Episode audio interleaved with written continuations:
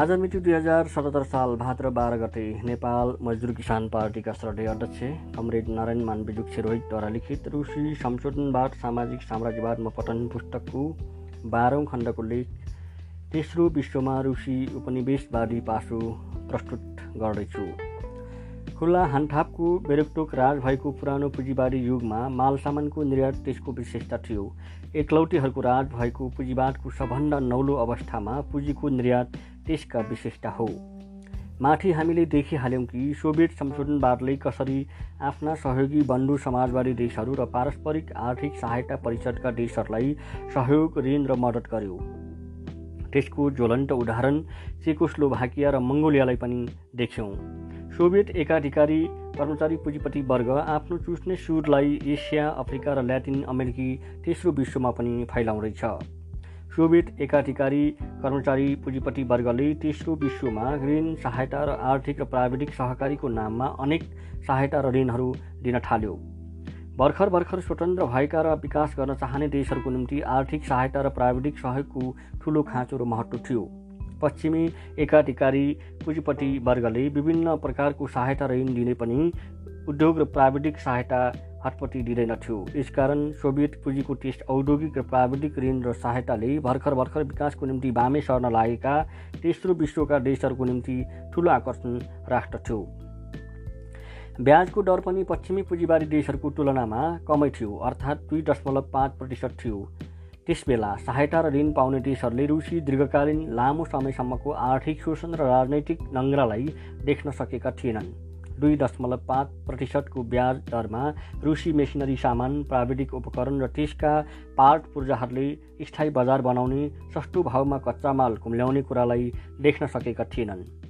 यसकारण सोभियत संशोधनवादी गुट सत्तामा गएको केही वर्षभित्रै अर्थात् सन् उन्नाइस सय सन्ताउन्नदेखि उन्नाइस सय साठीसम्ममा रुसी एकाधिकारी पुँजी भारत इन्डोनेसिया मिश्र Syria Yemen Iraq Afghanistan Sri Lanka Guinea Ethiopia आदि देशहरूमा पाँच अर्ब रुबलभन्दा बढी ऋण स्वरूप पुँजी लगाउन सफल भयो। सन् उन्नाइस सय चौन्नदेखिको हिसाब गर्ने हो भने चालिसभन्दा बढी एसियाली अफ्रिकी र ल्याटिन अमेरिकी देशहरूमा रुसी पुँजी घुसिसकेको छ। सन् उन्नाइस सय चौवन्नदेखि उन्नाइस सय बहत्तरसम्मको त्यो रकम आठ अर्ब बिस करोड अमेरिकी डलर बराबर पुग्यो। त्यसमध्ये चालिस प्रतिशत पुँजी पूर्वमा र एक तिहाई दक्षिण पूर्वी एसियामा लगानी गर्यो। संयुक्त राज्य अमेरिकाको राष्ट्रिय कर्पोरेसनकै नक्कल गरेर रुसी एकाधिकारीहरूले विकासोन्मुख देशहरूमा संयुक्त पुँजीको नाममा पुँजी निर्यात गरेर ती देशहरूमाथि आर्थिक पन्जा फैलाउँदै गए। रुसले एक अफ्रिकी देशको व्यापार कम्पनीमा साठी प्रतिशत पुँजी लगाएर कम्पनीमाथि कब्जा गर्यो। अर्को एक अफ्रिकी देशको व्यापार कम्पनीको एकाउन्न प्रतिशत भागमा कब्जा गरेर बसे। इरान थाइल्यान्ड र सिङ्गापुरका पुँजीपतिहरूसँग मिलेर तिनीहरूको यातायात जहाज र अरू कम्पनीहरूमा पुँजी लगाउँदैछन्। भारतको निजी कम्पनी उद्योगसँग मिलेर सोभियत एकाधिकारी पुँजीले संयुक्त उद्योग बनाउने योजना बनाउँदैछ। ल्याटिन अमेरिकी देशहरूमा संयुक्त राज्य अमेरिकासँग मिलेर संयुक्त लगानी गर्दैछ। यसले बेरुट काबुल सिङ्गापुर र अरू एसियाली सहरहरूमा ब्याङ्कहरू खोलेर आफ्नो पन्जालाई झन बलियो बनाउँदैछ। यसले सिङ्गापुरको ब्याङ्क मार्फत सिङ्गापुर मलेसिया र इन्डोनेसियाका उद्यमहरूमा ऋण लगाउँदैछ र एक सयवटा विभिन्न कर्पोरेसनहरूसँग सम्बन्ध राख्दैछ।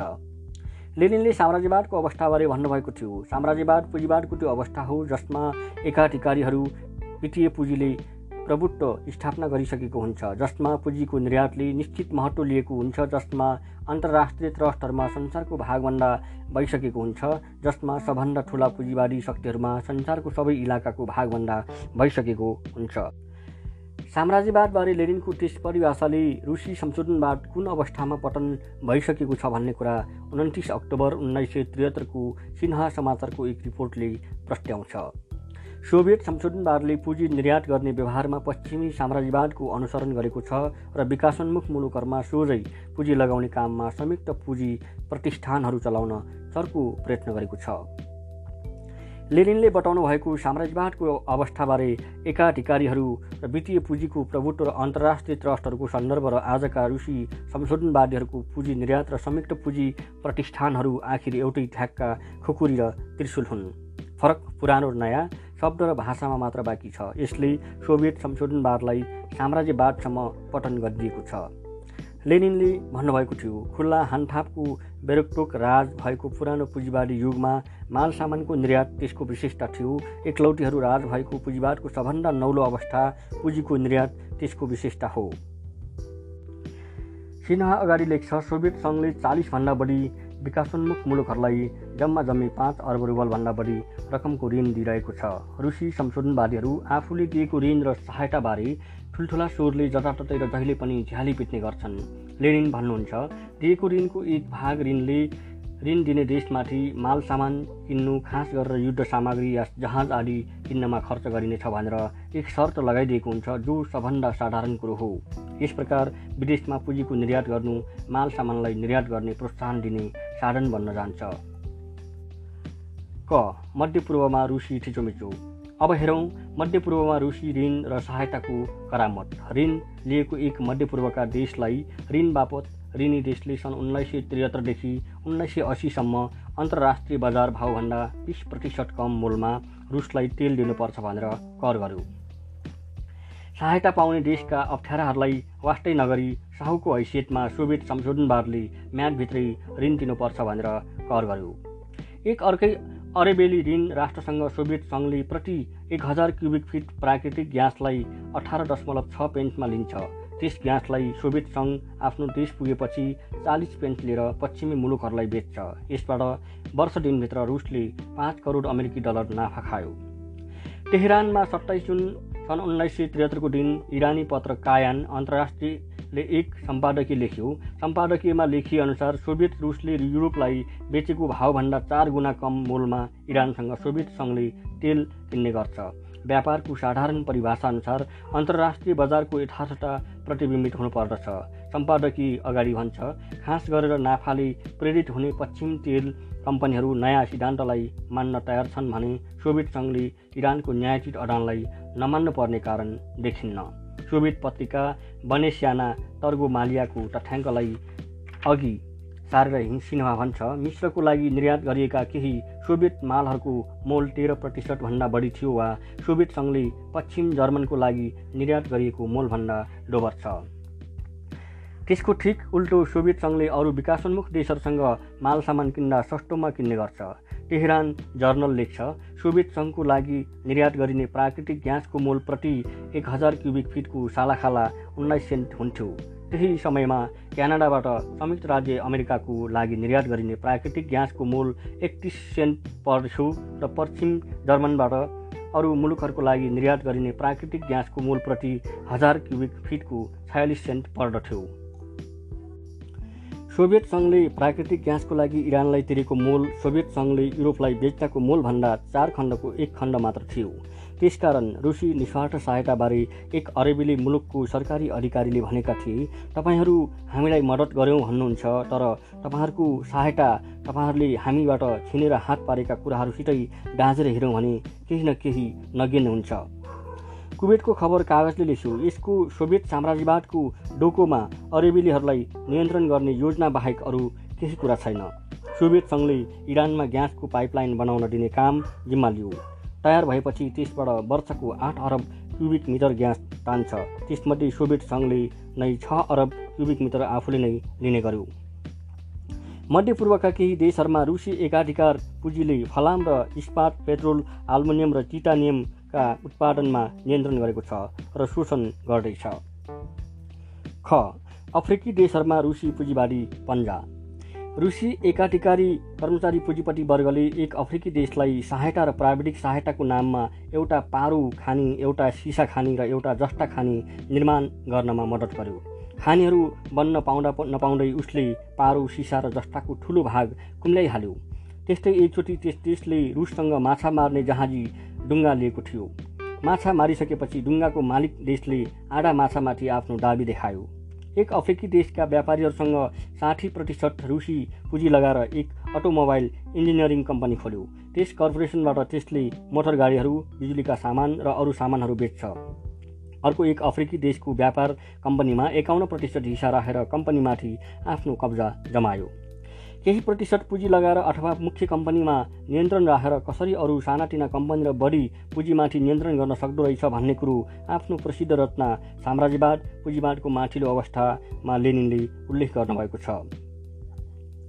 कारोबारको प्रधान मुख्य कम्पनीमा नियन्त्रण राख्छ। यस कम्पनीले अधीन कम्पनीहरूमाथि शासन गर्छ र यी अधीन कम्पनीहरू अरू अधीन कम्पनीहरूमाथि आफ्नो नियन्त्रण राख्छन् र यो क्रम चलिरहन्छ। यस प्रकार तुलनात्मक रूपले साह्रै सानो पुँजीबाट नै उत्पादनको अत्यन्त ठुलो भागमा प्रभुत्व राख्न सम्भव हुन्छ। वास्तवमा पचास प्रतिशत पुँजीको हिस्सेदार भयो भने कुनै पनि कम्पनीलाई आफ्नो कब्जामा राख्नको निम्ति धेरै हुन्छ। कारोबारका प्रधानलाई नाति नातिनी कम्पनीहरूको अस्सी लाखको पुँजीमा नियन्त्रण गर्न खालि दस लाख पुँजीको आवश्यकता हुनेछ। यदि यस साठगाँठलाई बढायो भने त दस लाखको पुँजीबाट एक करोड साठी लाख तिन करोड बिस लाख र यस्तै प्रकारले अरू धेरै पुँजीमा नियन्त्रण राख्न सम्भव हुन्छ। वास्तवमा अनुभवले बताउँछ कि कुनै कम्पनीको कारोबारलाई निर्देशन गर्नको निम्ति खालि चालिस प्रतिशत हिंसामा आफ्नो स्वामित्व राख्न मनज्ञ हुनेछ। माथिका उदाहरणहरूले प्रष्ट गर्छ कि साठी र एकाउन्न प्रतिशत रुसी हिस्साले ती अफ्रिकी देशहरूको सम्बन्धित कम्पनीहरूमा नियन्त्रण राख्न मनज्ञ पुग्छ। महँगोमा बेच्नु र सस्तोमा किन्नु नै सोभियत संशोधनवादको तेस्रो देशहरूसँगको व्यापारको सिद्धान्त हो। उसले आफ्नो सामान तेस्रो विश्वका देशहरूलाई बेच्दा पश्चिमी देशहरूलाई बेचेको भन्दा पन्ध्रदेखि पच्चिस प्रतिशत बढी लिएर बेच्छ र तेस्रो विश्वका देशहरूसँग सामान किन्दा भने पश्चिमी देशले किनेको भन्दा दसदेखि पन्ध्र प्रतिशत सस्तोमा किन्छ। एक अफ्रिकी देशसँग उसले रक्सी किन्दा हरेक टनमा युरोपेली देशहरूलाई बेचिने भावभन्दा आधा मोल सस्तोमा लियो। केही अफ्रिकी देशलाई सन् उन्नाइस सय सत्तरीमा रुसको गोल इस्पात बेच्दा फ्रान्सलाई बेचेको भावभन्दा उन्नाइस प्रतिशत बढी मोल लियो। सन् उन्नाइस सय साठीमा एक अफ्रिकी देशसँग रुसले एक मोटर गाडीलाई दुई टन कोकोको बिहा लिएर बेच्यो। सन् उन्नाइस सय एकहत्तरमा पुग्दा एउटा मोटर गाडीको निम्ति छ टनभन्दा बढी कोकोको बिहा लियो। छोटोमा भनौँ अफ्रिका र ल्याटिन अमेरिकामा सोभियत संशोधनवादले पेट्रोल सुन युरेनियम बक्साइट फलाम शिलाजित र अरू खानीका स्रोतहरू हात पार्दैछ। ग सहायता हो वा नियन्त्रण। पुँजीवाद जति विकास हुन्छ त्यति नै चर्कोसित कच्चा मालको खाँचो अनुभव हुन थाल्दछ। हानथाप र संसारभरि नै कच्चा मालहरूको स्रोतहरूको खोजीले जति चर्को रूप लिन्छ उपनिवेशहरूलाई हट्याउने सङ्घर्ष उति नै चर्को हुन थाल्छ। सोभियत एकाधिकारी कर्मचारी पुँजीपति वर्ग कच्चा माल सामानहरूको स्रोतहरूको निम्ति सबै शक्ति लगाउँदैछन् र उपनिवेशहरूलाई हट्याउन सङ्घर्षलाई चर्काउँदैछन्।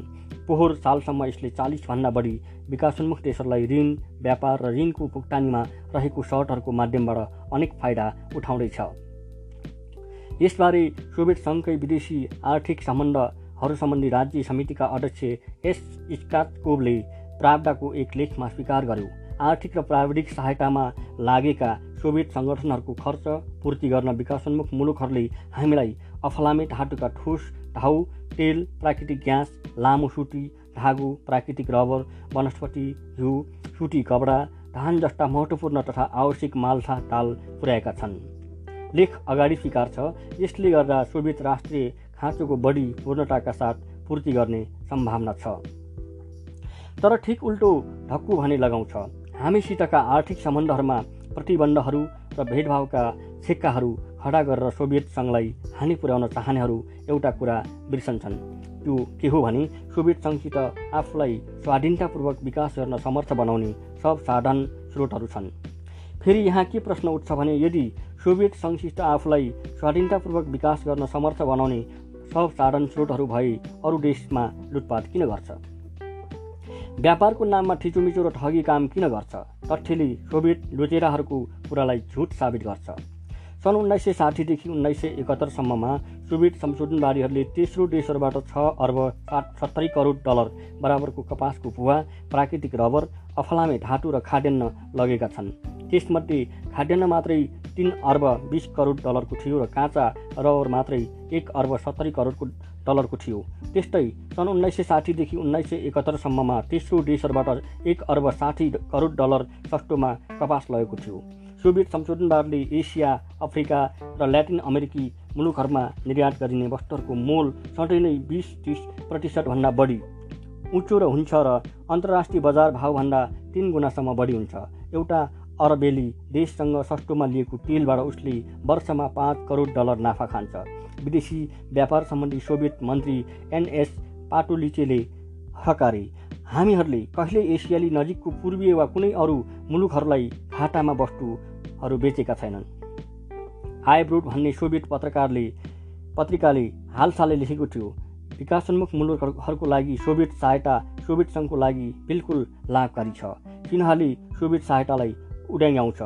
तथाकथित स्वार्थी सहायताको साँचो कुरा यही हो। सोभियत संशोधनवादीहरूले विकासोन्मुख मुलुकहरूलाई दिएको सहायतामा तिनीहरूको राजनैतिक वा अरू स्वार्थी अभिप्राय छैनन् भनी चिप्लो कुरा गरेका छन्। यो त साँच्ची नै फोहोर झुटमुट कुरा हो। सोभियत सङ्घले विकासोन्मुख देशहरूलाई दिएको सहायतामध्ये अस्सी प्रतिशत लगभग खाली मध्यपूर्व पश्चिम एसिया र दक्षिण एसियामा लगाएको छ। वास्तवमा यसको भित्री उद्देश्य भूमध्यसागर अरब खाडी क्षेत्र र हिन्द महासागरमा जहाज चलाउने हवाई अड्डाहरू र बन्दरगाहहरू राख्न पाउने अधिकारको निम्ति रहेछ।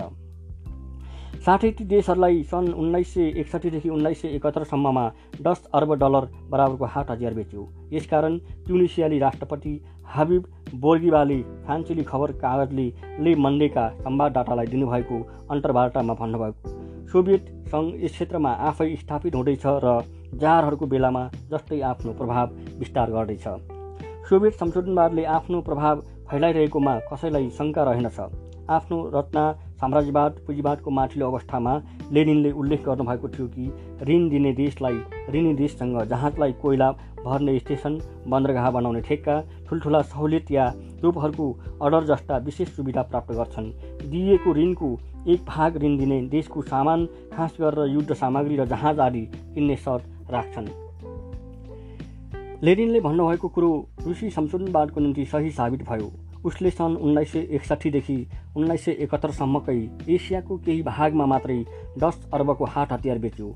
लगभग सन् उन्नाइस सय छैसठीदेखि उन्नाइस सय एकहत्तरसम्मको पाँच वर्षभित्र सोभियत रुसको अडतिस प्रतिशतभन्दा बढी समुद्री जलायनहरू मित्र राष्ट्रहरूको पानीजहाज निर्माण स्थलमा बनेको थियो। पछि हामी छलफल गरौँला कि कुन कुन देशमा कोइला भर्ने र अरू विशेष सहुलियतहरू त्यसले पाएको छ। सन् उन्नाइस सय पचपन्नदेखि उन्नाइस सय सत्तरीसम्ममा एसियाली अफ्रिकी र ल्याटिन अमेरिकी देशहरूमा रुसको निर्यात पुग आठ गुणा बढ्यो। ती देशहरूबाट आयात भने सात गुणाभन्दा बढी भयो। ती देशहरूबाट रुसलाई आउने वस्तुमध्ये सबभन्दा बढी कृषि र खाने उत्पादन हुन् जस्तो कि सन् उन्नाइस सय उनासाठीको एक उदाहरण लिउँ। सोभियत रुसको जम्मा कृषि सम्बन्धी काँचो वस्तुको आयातमध्ये पचपन्न प्रतिशत र जम्मा खान खनिज लाहोरको आयातमध्ये पैँसठी दशमलव पाँच प्रतिशत एसिया अफ्रिका र ल्याटिन अमेरिकी देशहरूबाट आएको थियो। सोभियत सङ्घले सुडानसँग सस्तोमा कपास किन्छ। त्यसलाई ऊ भारतमा लगेर कपडा बुन्न लगाउँछ र कपडा तयारी भएपछि सोभियत सङ्घमा लान्छ। यस प्रकारले सोभियत संशोधनवाद एसियाली र अफ्रिकी देशहरूबाट सस्तोमा काँचो माल र श्रम शक्तिको शोषण गर्दैछ। अस्ट्रेलियाली साप्ताहिक स्कोप परीक्षाले यसकारण लेख्छ वास्तविकताले सोभियत सङ्घ पनि एक साम्राज्यवादी देश हो भन्ने देखाउँछ अथवा भनौँ सामाजिक साम्राज्यवादी देश हो। माथिका सबै तथ्यहरूले बताउँछ कि सोभियत सङ्घको सहायता स्वार्थपूर्ण छ। उसको सहायताको पछाडि कच्चा माल खाने भोक र देश देशै खाने लोभ लालच लुकेको हुन्छ। सोभियत सहायता वास्तवमा कच्चा माल सस्तोमा लिने थैलो हो। घ तेस्रो विश्वमा भारत एक उदाहरण। ख्रुसेप सत्तामा आउनुभन्दा पहिले सन् उन्नाइस सय एकाउन्नदेखि उन्नाइस सय चौवन्नसम्म भारतमा रुसको सालाखाला निर्यात एक करोड एक लाख रुपियाँको थियो। ख्रुसेप संशोधनवादी गुट सत्तामा आइसकेपछि सोभियत संशोधनवादले पश्चिमी साम्राज्यवादले जस्तै सहायताको नाममा पुँजी निर्यात गर्न सुरु गर्यो। सन् उन्नाइस सय छैसठीदेखि उन्नाइस सय बहत्तरको सात वर्षभित्र भारतमा सोभियत निर्यातको सालाखाला वार्षिक मूल्य बढेर नौ अर्ब एकतिस करोड सत्तरी लाख रुपियाँ पुग्यो। यो रकम सन् उन्नाइस सय एकाउन्न र उन्नाइस सय चौवन्नको सालाखाला वार्षिक मूल्यको एकतिस गुणा बढी छ। सन् उन्नाइस सय पचपन्नदेखि उन्नाइस सय छैसठीसम्ममा भारतमाथि सोभियत ऋण दस अर्ब बिस करोड रुपियाँ अर्थात् पुग्न पुग एक अर्ब बिस अठाइस करोड तिस लाख डलर पुग्यो। एक्काइस अगस्त सन् उन्नाइस सय एकहत्तरको भारतीय साप्ताहिक बि ब्लिट ब्लिटर अनुसार सन् उन्नाइस सय सन् उन्नाइस सय पचपन्नमा भारत र सोभियत सङ्घको पहिलो आर्थिक सम्झौता भएको थियो। भारतमाथि सोभियत रुसको ऋणको जम्मा दस अरब बिस करोड रुपियाँ पुग्यो। भारत रुसको दोस्रो ऋणी देश हो। त्यो ऋण भारतलाई खास गरेर सरकारी भाँटको आर्थिक योजनाहरू स्थापना गर्न दिइएको थियो। भारतीय सरकारी क्षेत्रको योजनाहरूको ठुलो भाग सोभियत पक्षको छ जो भारतीय अर्थतन्त्रको पच्चिस प्रतिशत छ। ती सबै ऋणहरू सोभियत भारत संयुक्त योजनाहरूमा लगाइएको देखिन्छ। ऋणको ब्याज दर साढे दुई प्रतिशत जस्तो लागे तापनि रुसले ऋणी देशलाई बढी तिर्न पर्ने गरेको छ। यस सम्बन्धमा भारतेली इकोनोमिक्स टाइम्स आर्थिक समयले लेख्छ सोभियत रुसको ब्याज दर साढे दुई प्रतिशत मात्रै देखिए तापनि वास्तविक दर सामानको रूपमा दिएको ऋण निकै उच्च छ जो सोभियत सङ्घबाट पठाएको माल सामानहरूको अत्याधिक मोलमा लुकेको हुन्छ। भारतसँग माल लिँदा भने मालको मोल घटाउन दिन्छ। उदाहरणको लागि भारतले एकपल्ट सोभियत सङ्घको निम्ति जुट निर्यात करमा तिस प्रतिशत घटाउन बाध्य हुनु पर्यो इस्पातको मालहरूको निर्यात दरमा दसदेखि बिस प्रतिशतसम्म घटाउन बाध्य हुनु पर्यो सोभियत प्रेसको भनाइअनुसार सोभियत सहायताद्वारा निर्माण गरिएका भारतेली प्रतिष्ठानहरूले अहिले भारतको मेसिन निर्माण उद्योगमा असी प्रतिशत विद्युतका सरसामानको उद्योगमा साठी प्रतिशत तेल प्रशोधन उद्योगमा पैँतिस प्रतिशत इस्पातमा अडतिस प्रतिशत र विद्युत शक्तिमा बिस प्रतिशत नियन्त्रण गरेको छ। सहायता पाउने देशलाई सधैँ आफ्नो मुख ताक्न लगाउने उद्देश्यले सोभियत सङ्घ योजनाहरूको डिजाइन उत्पादन र प्राविधिक कुराहरूमा आफ्नै खपिस र प्राविधिकहरूबाट कब्जा गर्न लगाउँछ। पहिले पश्चिमेली उपनिवेशवादीहरूले पनि उपनिवेश देशहरूमा त्यहाँका जनतालाई प्राविधिक कामबाट टाढी राख्ने गर्थे। रुसको त्यस्तै कामको बारेमा एउटा भारतेली पत्रिकाले प्रकाशमा ल्याइदियो। उसले सोभियत सङ्घले आफ्नो सहायताबाट स्थापना गरिएको प्रतिष्ठानका लागि डिजाइनरहरूको काम मेसिनरी र थप कल पूर्जाहरूमा एकलौटी कायम राख्दछ र भारतीयहरूले योजनाको आयोजनामा खालि नामको मात्र केही गर्न पाउँथे। सोभियत संशोधनवादीहरूको नयाँ उपनिवेशवादी अपराधपूर्ण कार्यक्रम भन्ने लेखमा भनिएको छ भारतमा सोभियत संशोधनवादीहरूको गहिरो सहयोग छ र उत्पादनको विशेषीकरणमा पूर्ण सहयोग छ। सहायताबाट तिनीहरूले इस्पात मेसिन निर्माण शक्ति र केही अरू मुख्य मुख्य उद्योगहरूको स्थापना गरेका छन्। ती उद्योगहरूको उत्पादनको स्तर प्रकार र सङ्ख्या सोभियत संशोधनवादीहरूले भनेअनुसार नै गर्नुपर्छ र उत्पादनलाई तिनीहरूले भनेकै भावमा तिनीहरूलाई बेच्नु पर्दछ। परिणामस्वरूप भारतेली इस्पातको तिस प्रतिशत भारतेली तेलको साठी प्रतिशत शक्तिका सामानको साठी प्रतिशत ठुल्ठुला मेसिनको ज्यावलहरूको पचासी प्रतिशत सोभियत संशोधनवादीहरूकै नियन्त्रणमा परेको छ। सोभियत भारत सम्बन्धबारे भारतका विभिन्न क्षेत्रहरूबाट अनेक टिका टिप्पणीहरू भएका छन्। यसकारण यसबारे सोभियत संशोधनवादी नेतृत्व गुटभित्र कहिलेकाहीँ खैला मचिने गर्छ। सोभियत र भारतीय सरकारी नेताहरूको हरेक हप्ता र महिनामा भेटघाट सरसल्लाह र भ्रमणहरू भइरहन्छन् र अनेक हेरफेर पुनर्विचारहरू भइरहन्छन्। भारतमा सोभियत भारत सम्झौताहरू धेरै ठुलो आलोचनाको विषय भएको छ। यसकारण भारतीय शासक वर्गका नेताहरू बरोबर यसबारे स्पष्टीकरण र सरकारी दृष्टिकोण प्रकाशमा ल्याउन बाध्य हुन्छन्। सोभियत भारत आर्थिक सम्बन्धबारे भारतीय अर्थमन्त्री चौहानले पनि बोल्नु परेको थियो। उनको भनाइअनुसार भारत अब विभिन्न किसिमका औद्योगिक वस्तु तेल र अरू औद्योगिक काँचो सामानमा समेत रुसको भरमा छ। औद्योगिक औद्योगिक तेल निकाल्ने र सफा गर्ने नयाँ ढङ्गको धातुको मेसिन निर्माण बिजुली निकाल्ने केन्द्रहरू आदि गरेर लगभग असीवटा योजनाहरूमा रुससँग संयुक्त आर्थिक र प्राविधिक कामहरू भइरहेछ। यसबाट भारतको तिस प्रतिशत इस्पात साठी प्रतिशत काँचो तेल तिस प्रतिशत पेट्रोल वस्तु बिस प्रतिशत शक्ति र अस्सी प्रतिशत धातु सम्बन्धी सरसामान रुसको संयुक्त काममा निर्भर गर्छ।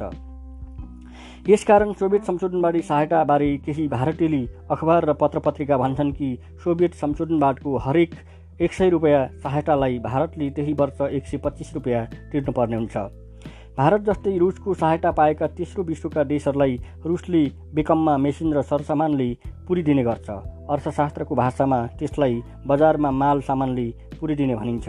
एसिया र अफ्रिकाका थुप्रै मुलुकहरूको जनमतले औल्याएअनुसार भित्राइएका सोभियत मेसिनहरू र सामानहरू तल्ला दर्जाका मात्र नभई निकै उच्च दर वा महँगो समेत छन्। तर यसको प्रतिपाल मर्मत र थप कल पूर्जाहरूको निम्ति सोभियत सङ्घमै भर पर्नुपर्ने हुन्छ।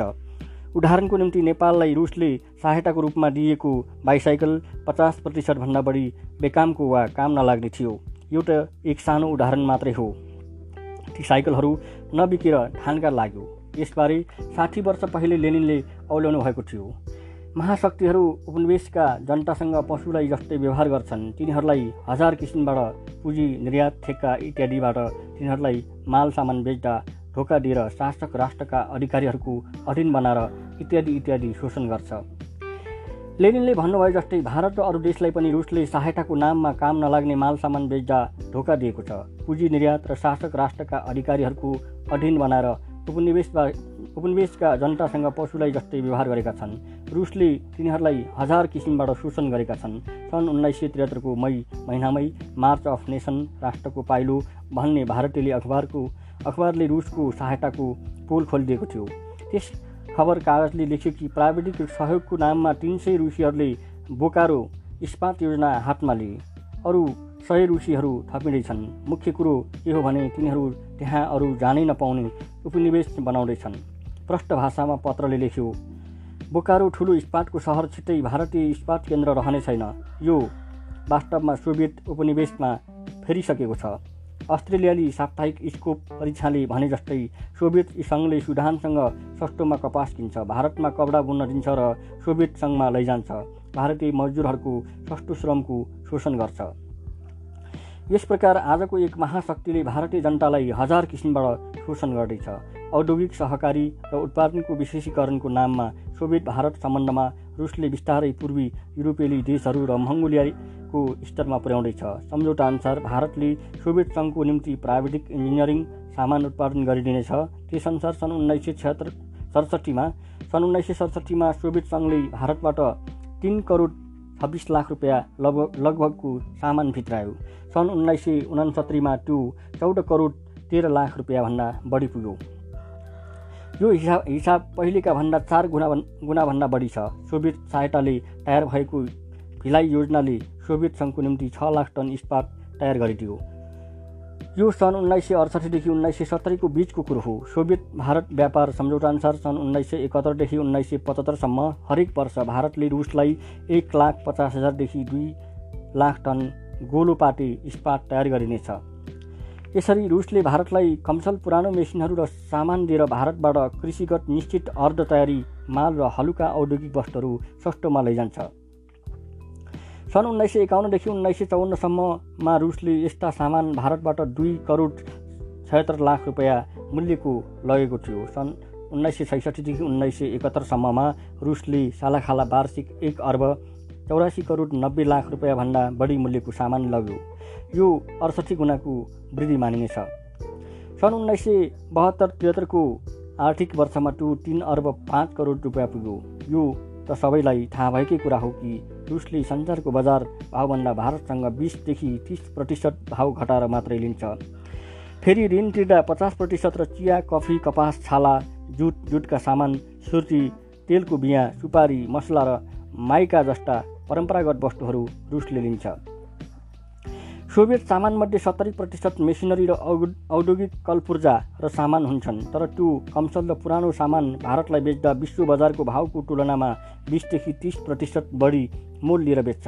कहिलेकाहीँ त्यो दुई सय प्रतिशतसम्म बढेको हुन्छ। उदाहरणको निम्ति पन्ध्र हजार ट्र्याक्टरको निम्ति पार्ट पूर्जाहरू बेच्दा सन् उन्नाइस सय उनासत्तरीमा भारतसँग पूर्वी युरोपेली देशहरूलाई बेचेको भावभन्दा टेबर लिएको थियो। त्यो त्यसै वर्ष भारतलाई रुसले निकेल बेच्यो। त्यही वस्तु रुसले युरोपेली बजारमा एक टनको पन्ध्र हजार रुपियाँ लिएर बेचेको थियो। भारतसँग भने तिस हजार रुपियाँ ठटायो। यसकारण भारत र रुसको सम्झौताबारे भारतीय संसद सदस्यहरूले असन्तोष व्यक्त गरेका थिए। तिनीहरूले त्यस सम्झौताले भारतलाई रुसको सहायक स्थितिमा पाएको अनुभव गरेका थिए। भारतीय खबर कागज स्टेटम्यानले लेख्यो अहिले भारत रुसको एक उपग्रह जस्तै व्यवहार गर्दैछ। गएको वर्ष भारत रुस व्यापार जम्मा छ अर्ब रुपियाँको भएको थियो। त्यसलाई सन् उन्नाइस सय पचहत्तरको वर्षमा सात अर्ब पचास करोड रुपियाँ पुर्याइने भएको छ। रुसी प्रधानमन्त्री ली ब्रेजनेभ भारत भ्रमणमा आउँदा दुई देशको व्यापारलाई सन् उन्नाइस सय असीसम्ममा डोबर अथवा चौध अर्ब रुपियाँमा पुर्याउने लक्ष्य राखिएको थियो। हालै दस दिनसम्म दुवै देशका प्रतिनिधिहरूको छलफलले सबै कुरा टुङ्गोमा पुग्न सकेन। दुई देश आपसमा मूल्यबारे एकमत हुन सकेन। रुसी सामानमा बढ्दै गएको भाउले भारत सरकार चिन्तित छ। रुस रुबलको तुलनामा भारतीय रुपियाँलाई अवमूल्यन गरेको खण्डमा मालको भाउ बढ्ने योजनाहरूको भुक्तान भारतले माल सामान निर्यात गर्ने बारे टुङ्गोमा पुग्न सकेन। रुबलको तुलनामा भारतीय रुपियाँलाई अवमूल्यन गरेको खण्डमा मालको भाव बढ्ने र रुसबाट व्यापारमा आउने सामान हात हतियार र सहयोगबाट बढ्ने योजनाहरूको भुक्तान भारतले माल सामान निर्यात गर्ने बारे टुङ्गोमा पुग्न सकेन। त्यसको निर्णयपछि मस्को बैठकमा गरिनेछ। यी सबै कुराले लेनिनको भनाइलाई साबित गरिदिएको छ। सबै आर्थिक र सबै अन्तर्राष्ट्रिय सम्बन्धहरूमा वित्तीय पुँजी यति ठुलो अझ भन्न सकिन्छ। यति निर्णायक शक्ति हो जसले पूर्ण राजनैतिक स्वतन्त्रताको उपभोग गर्ने राज्यलाई पनि आफ्नै अधीनमा राख्ने क्षमता राख्छ र अधीन गरी पनि हाल्छ। आज भारतको स्थिति बडो अप्ठ्यारो ठाउँमा छ। ऊ रुसको ऋणी देश हो। त्यहाँ रुसको ठुलो पुँजी काम गर्दैछ। अनेक संयुक्त बन्धनहरूले बाँडिएको छ। बन्धनहरू कहिलेकाहीँ बाघ र बाँदरको सहयोग जस्तै हुन पुग्छन्। किनभने सबैलाई थाहा छ पुँजी एक्लै आउँदैन। उसँग राजनीति पनि आउँछ। राजनीतिको पछाडि सैनिक शक्ति उभिएको हुन्छ। यो कुरो रुस भारत सम्बन्धमा पनि लागु भएको देखिन्छ। रुस र भारत बिचको बिस वर्षे सन्धिलाई एक सुरक्षा सन्धि या सैनिक सन्धि पनि भनिन्छ। तिन जुन उन्नाइस सय त्रिहत्तरको दिन एक जापानी अखबार सान्की सिम्बुले रुसी सैनिक जहाज चटगाउँमा भन्ने एक लेख छाप्यो। लेखको मुख्य भनाइ हो भारत र पाक युद्धमा भारतको समर्थनको न्युले रुस हिन्द महासागरमा आफ्नो जहाजी बेडाको अड्डा स्थापना गर्न चाहन्छन्। लाग्छ बङ्गालको चटगाउँ रुसको हातमा परु। लेखमा भनिएको छ कि सन् उन्नाइस सय बहत्तरको अप्रेल महिनामा भारत पाक युद्धको समाप्तिको चार महिनापछि रुसी जहाजहरू पाकिस्तानले ओछ्याएको विस्फोटक ढापहरू पन्छाउन र भारतीय सेनाले डुबाइदिएका जहाजहरू निकाल्ने निहुले केही ससाना विध्वंसकहरू लिएर गएका थिए। ओछ्याइएका विस्फोटक ढापहरू र एघारवटा जहाजहरू सन् उन्नाइस सय बहत्तरको अन्तमै झिकिसकिएको थियो। सोभियत बेडमा काम सिधेर पनि त्यहाँ छ र सर्वे नापी पनि सुरु गर्यो। लेखमा भनिएको छ कि चटगाउँमा बङ्गाल खाडीमा नियन्त्रणमा होइन कि हिन्द महासागर समेत नियन्त्रण गर्न रुसले त्यसको समुद्री किनारालाई ठेक्कामा लिने वा किन्ने जाल गर्दैछ। थाहै भएको कुरो हो हिन्द महासागर विश्व रणनीतिको एक बिन्दु हो। यस्तै भारतले विशाखापट्टनम मद्रासलाई रुसको सहायतामा छोडेर बङ्गाल खाडीलाई सैनिक अड्डामा फेर्दैछ। प्रष्ट रूपले रुसी उद्देश्य विशाखापट्टनमलाई चटगाउँ सैनिक बन्दरगाहकै रूपमा सुरक्षित गर्नु हो। भनिन्छ लगभग बाह्र रुसी युद्धपोत र पाण्डवीहरू हिन्द महासागरमा स्थायी रूपले गस्ती लगाउने गर्छन्। यो ती एक सय पचास युद्धपोटहरूको ठुलो भाग हो जसलाई तिनीहरूले पाँच वर्षदेखि निर्माण गर्दै थिए रुसी जलसेनाको गतिविधि यमन तान्जानिया सोमालिया मरिस मरिससका बन्दरगाहसम्म छ। यस विषयमा भारतीय जनमत संवेदनशील देखिन्छ। एक साप्ताहिक प्रश्न गर्छ कि हामीले बङ्गाल खाडी रुसियाहरूलाई बेचिसकेका छौँ? पन्ध्र जनवरी उन्नाइस सय त्रिहत्तरमा फ्रान्सको लेफ पाइन्ट भन्ने पत्रिकामा एक लेख छापिएको थियो। लेखका लेखक फ्रान्सेली सैनिक जर्नल जर्ज बुरा थिए उनी राष्ट्रिय सुरक्षा अध्ययन संस्थानका अध्यक्ष हुन्। सरकारहरूबाट प्राप्त दर्जनौँ सूचनाहरूको आधारमा उनले त्यो लेख लेखेको दावा गरेका छन्। लेखमा भनिएको छ अड्डाहरूको बारेमा रुसीहरूले बङ्गाल खाडी विशाखापट्टम पट्टनम र पोर्ट ब्लेयर अन्डमानलाई सुरक्षित गरिसकेका छन्। पर्सियन अरबेली खाडीमा वार्सा यमनमा होडेडा दक्षिण यमनमा अडन र सोमाली ल्यान्डमा सुरक्षित गरिसकेका छन्। जर्नल बुरा भन्छन् पोर्ट ब्लेयरमा रुसीहरूको रुसीहरूले पाएको सहुलियतहरू विशाखापट्टनममा पाएको सहुलियतहरूभन्दा पनि धेरै महत्त्वपूर्ण छ। त्यस भारतीय पत्रिकाले एसिया महादेशमा सोभियत सुरक्षा व्यवस्थाको ब्रेजनेभ योजनालाई सम्झन्छ। सोभियत कम्युनिस्ट पार्टीको चौबिसौँ महाधिवेशनमा उनले भाषण दिएका थिए। एसियाको सामूहिक सुरक्षा व्यवस्था पूर्ण एकता र पारस्परिक लाभको आधारमा सोभियत सङ्घको चौतर्फी सहयोग पाउनेछ। त्यस योजनाकै आधारमा बिस वर्ष सन्धि र हालका रुसी जहाजी अड्डालाई ध्यानमा राखेर पत्रिका अर्को प्रश्न गर्छ कि हामीले रुसी छाताको छायामा यस सामूहिक सुरक्षालाई मानेका हौँ? प्रधानमन्त्री इन्दिरा गान्धी भन्नुहुन्छ होइन तर तथ्य ठिक त्यसको उल्टो बोल्छ त्यसै वर्ष जुनतिर जापानमा जापानी सुरक्षाको नयाँ दृष्टिकोण भन्ने एक किताब प्रकाशित भयो। किताबमा रुसी जहाज जहाजी सेनाको गतिविधिबारे लेखिएको थियो। किताब लेख्छ कि स्वेज नहर खुलेपछि रुसी जहाजी बेडाले भूमध्य सागरदेखि हिन्द महासागरसम्म जोड्नेछ। रुसले जहाँ तहाँ जहाजी अड्डा खोजिरहेको कुरा खोल्दै लेख्छ कि भारतको दुई बन्दरगाह मद्रास र बम्बई पाइसकेको छ। भारत पाक युद्धको बेलामै जहाजुट गरेको चटगाउँ बन्दरगाहमा अब सोभियत जहाजले लङ्गर खसाल्न सक्छ अथवा सोभियत जहाजहरू बिसाउन सक्छन्। लेनिनले भन्नुभएको थियो अन्तर्राष्ट्रिय लेनदेनमा ऋण दिने देशले सधैँ कुनै न कुनै विशेष सुविधा प्राप्त गर्छ। कुनै व्यापारिक सम्झौता आफ्नो सुविधाको कुनै सर्ट कोइला भर्ने कुनै बिसाउने कुनै बन्दरगाह बनाउने ठेक्का कुनै ठुल्ठुला सहुलियत या टोपहरूको अर्डर। वित्तीय पुँजीको एकाधिकारी युगलाई जन्मायो। एकाधिकारीहरूले हरेक क्षेत्रमा एकाधिकारी नीति लागू गर्छन्। खुल्ला बजारको हानथापको ठाउँमा अब नाफा पाउने व्यापारको निम्ति सम्बन्धहरूलाई उपयोगमा ल्याउँछन्। यहाँ सम्बन्धहरूको अर्थ आर्थिक राजनैतिक सांस्कृतिक प्राविधिक सबै प्रकारका सम्बन्धहरू हुन्। रुसी संशोधनवादीहरूले भारत र अरू तेस्रो विश्वका देशहरूमाथि सबै क्षेत्रमा एकलौटी गर्न खोजिरहेका छन्। लेनिनले साम्राज्यवादको सानो परिभाषा दिनुभएको थियो। पुँजीवादी एकाधिकारी अवस्था साम्राज्यवाद हो। रुसले आर्थिक राजनैतिक र सैनिक रूपमा एकाधिकारी स्वभावलाई देखाइरहेकै छ। सोभियत संशोधनवादीहरू र तिनीहरूका पिछलगुहरू रुसको व्यवस्थालाई समाजवादी भनुन् या बिस वर्षे साम्यवादी व्यवस्था तर त्यस भनाइले रुसको मौलिक चरित्रलाई बदल्न सक्दैन। गढालाई गाई भन्नेमा गढा गाई भन्दैन। फोहोर कुरा लुकाएर त्यसको दुर्गन्ध हट्दैन। तथ्यहरूले साबित गर्दैछ कि रुसी संशोधनवादीहरू भारत र अरू तेस्रो विश्वमाथि आफ्नो एकाधिकार लागू गर्न खोज्दैछन्। त्यसले बताउँछ कि रुसको आर्थिक अवस्था साम्राज्यवादी छ। आज दुई महाशक्तिहरू संसारलाई भागभन्दा गर्न लागिरहेका छन्। त्यसमध्ये एउटा रुस र अर्को संयुक्त राज्य अमेरिका हो। यो कुरा रुसमाथि गरिएको गाली होइन। यो त त्यसको आफ्नै भित्री र बाहिरी आर्थिक स्वरूपले बताइरहेको कुरा हो। रुसमा पुँजीवादी पुनस्थापना नै यसको कारण हो लेनिन भन्नुहुन्छ। पुँजीपतिहरू संसारको भागभन्दा कुनै विशेष दुष्टताको भावनाले होइन बरु यस कारणले गर्छन् कि केन्द्रीकरण त्यस सीमासम्म पुगिसकेको हुन्छ। त्यसले तिनीहरूको नाफा लिनको निम्ति त्यो बाटो लिन बाध्य गरिदिन्छ। तिनीहरू यो भागभन्दा पुँजीको अनुपातमा शक्तिको अनुपातमा गर्छन् कि किनभने मालको उत्पादन र पुँजीवादभित्र भागभन्दाको अरू कुनै उपाय हुनै सक्दैन। महाशक्तिहरूको त्यो भिडन्त आर्थिक वा सैनिक जे पनि हुनसक्छ त्यो आज हामी देखिरहेछौँ। भिडन्त आर्थिक होस् या वा गैर आर्थिक सहर सारमा तिनीहरूकै भागभन्दाको भिडन्त हो। तिनीहरूको भिडन्तको टेबलमा दक्षिण एसिया भारत र हिन्द महासागरको नक्सा छ।